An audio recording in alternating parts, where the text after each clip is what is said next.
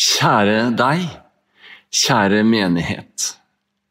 Nåde være med dere og fred fra Gud vår Far og Herren Jesus Kristus. Velkommen til en søndagshilsen her fra Fjellhamar kirke. Jeg vil dele noen tanker om søndagens tekst. Maria vil, eh, organisten vår, vil synge 'Salig visshet', og vi vil be litt sånn. Det er også mulig å gi en takkoffer, en gave, til Fjellhamar menighet. Bruk gjerne VIPS 25 11 9 25 11 9. Takk for gaven du måtte ville gi. La oss fortsette å stå sammen, ta vare på hverandre og holde ut i denne pandemitiden. Det er jo snart over, og den dagen, den, den nærmer seg. La oss nå be litt sammen. Kjære Jesus, takk at du er her sammen med oss. Kom med din ånd og din kjærlighet, så vi kan kjenne at du er nær, du vil oss vel. Du elsker oss, og du kan gi oss kraft til å følge etter deg. Amen.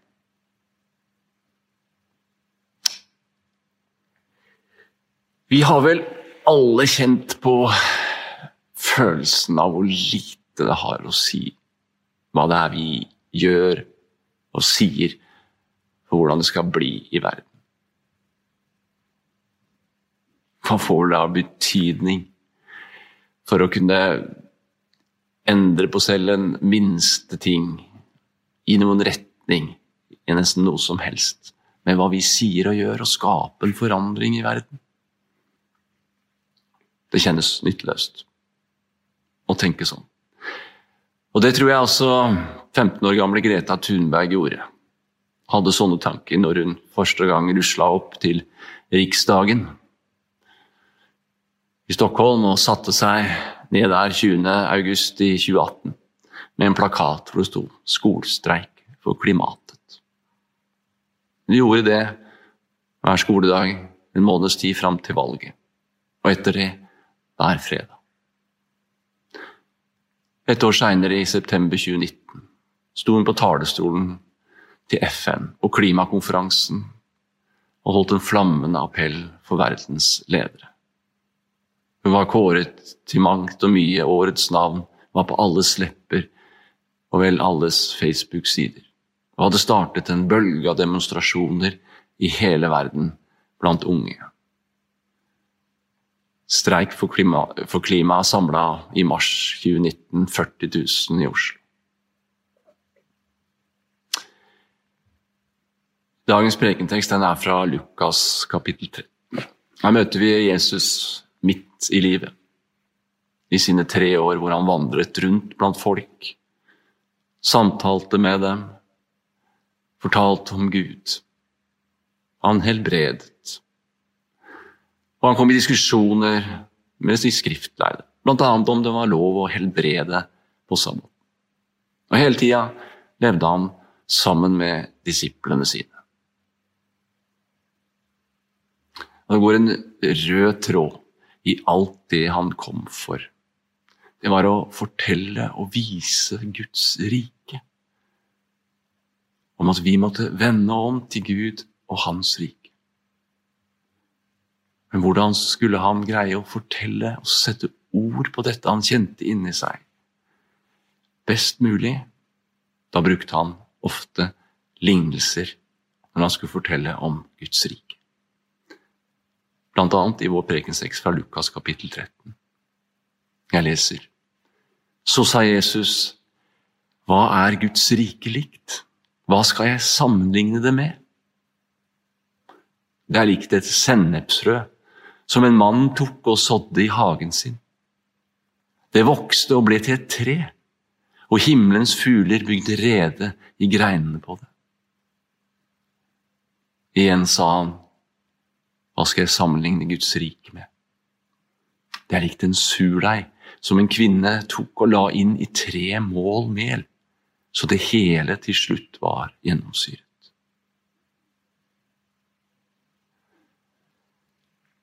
Jesus sammenlignet Guds rike med sennepsfrø og surdeig. Folk må ha undret seg litt og kanskje smilt litt av sennepsfrøet og det Jesus kalte tre. For sennepsplanten den var, den var mer en busk, en vanlig viltvoksende plante, som ofte ble sett på som ugress. Hvorfor valgte ikke Jesus det store, stolte sedertreet når han skulle fortelle om Guds rike? Det er som om Jesus vil si oss at, om at stedet for Guds rike og for Guds rikes vekst, det er ikke først og fremst i det, det storslåtte og det imponerende, men i det alminnelige, ja, i det små. Ikke i det som er forbundet med heder og ære. Vi skal ikke se etter Guds rike og dets vekst i media, i de store oppslagene, men i det hverdagslige.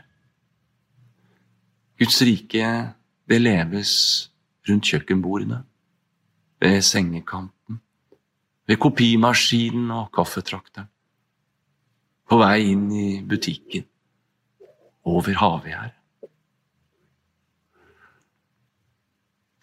Det særegne med sennepsfrø er at det er et utrolig lite frø. Kanskje verdens minste. Det går haugevis av dem på bare ett gram. Og Poenget i lignelsen er forvandlingen fra dette utrolig bitte lille frøet til det store. Fra det minste frø i verden til treet, eller busken, da. Fra en enslig 15-åring med en plakat til FNs talerstol. I lignelsen om surdeigen hadde Jesus også en veldig overraskende vri. For surdeig var for jødene i Bibelen vanligvis et bilde på, på noe negativt.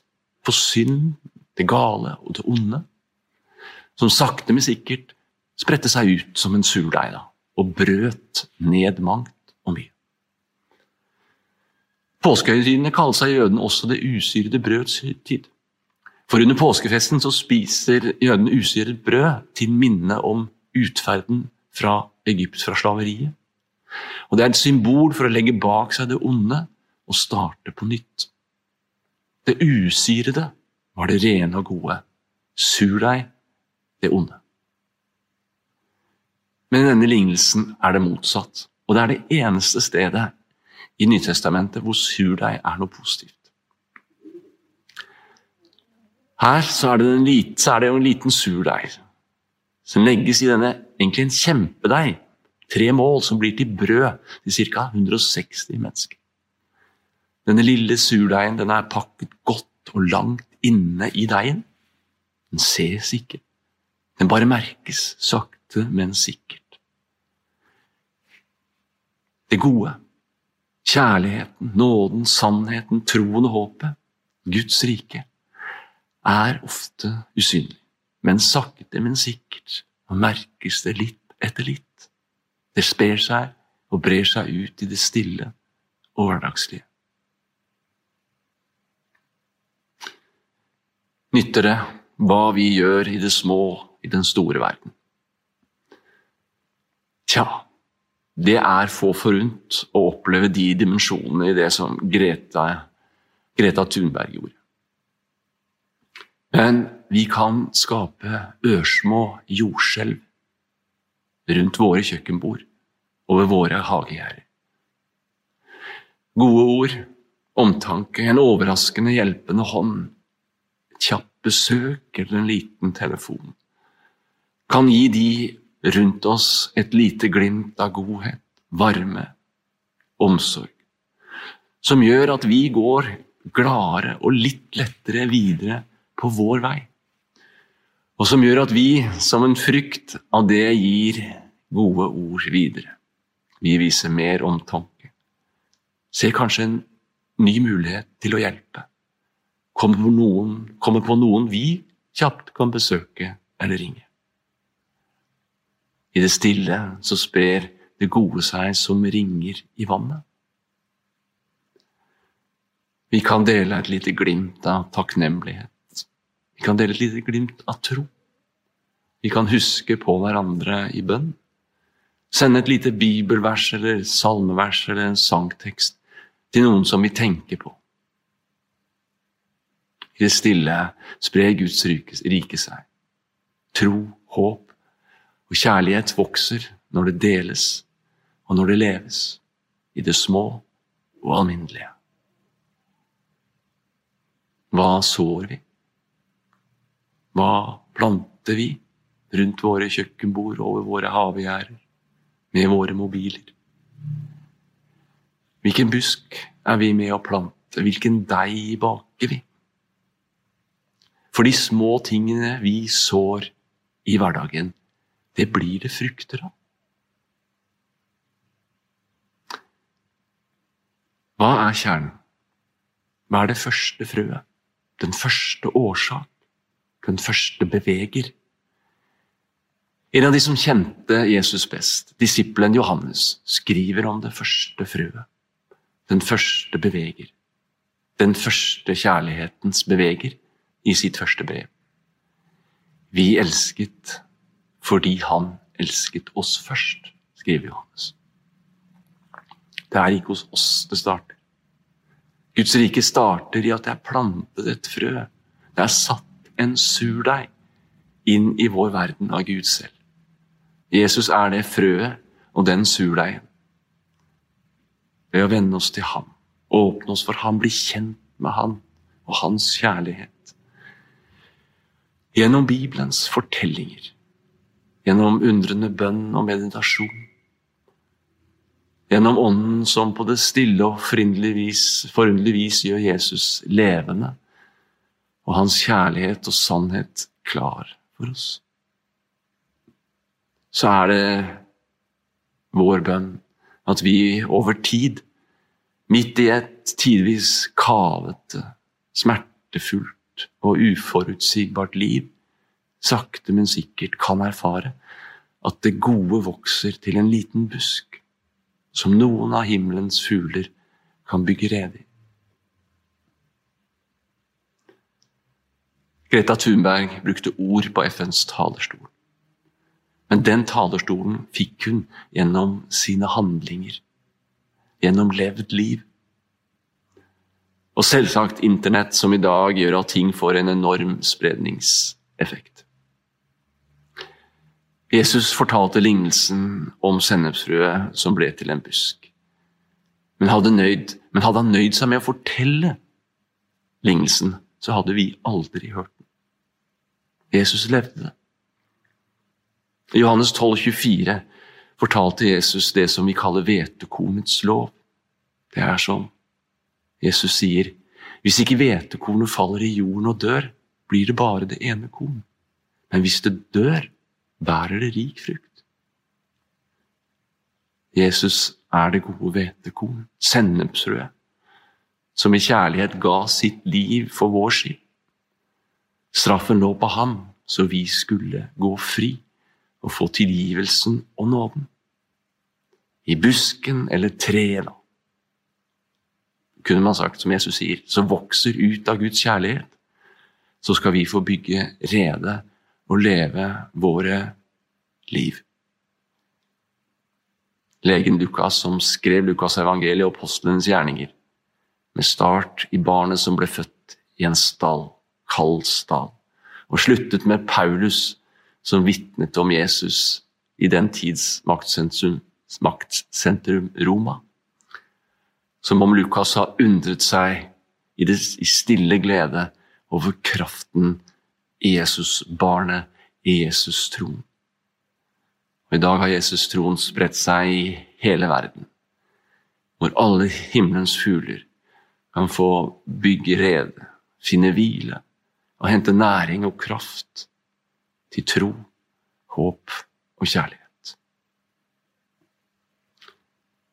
La oss be litt sammen.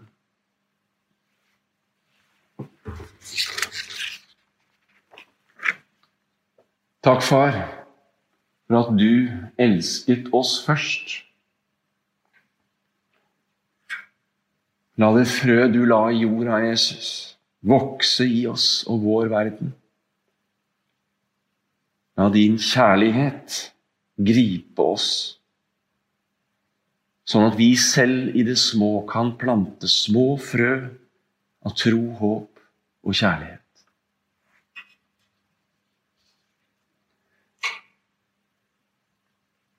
Jesus, vi ber deg for alt og alle som bygger broer i vår verden i dag, som strekker ut en hånd, som demper konflikter, som står opp og protesterer mot polarisering og fiendebilder.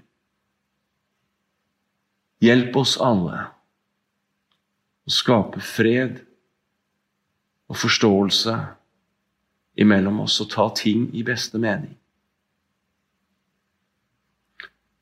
La oss sammen be den bønn Jesus lærte oss. Vår Far i himmelen.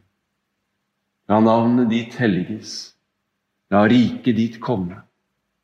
La viljen din skje på jorden slik som i himmelen. Gi oss i dag vårt daglige brød. Og tilgi oss vår skyld, slik også vi tilgir våre skyld. Og la oss ikke komme i fristelse, men frels oss fra det onde. For riket er ditt, og makten og æren i evighet. Amen.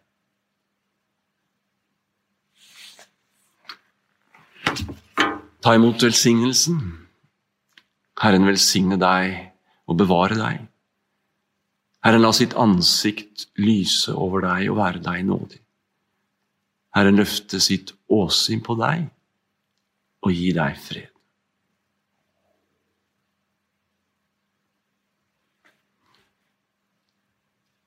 Gå i fred og hvil i Guds nåde.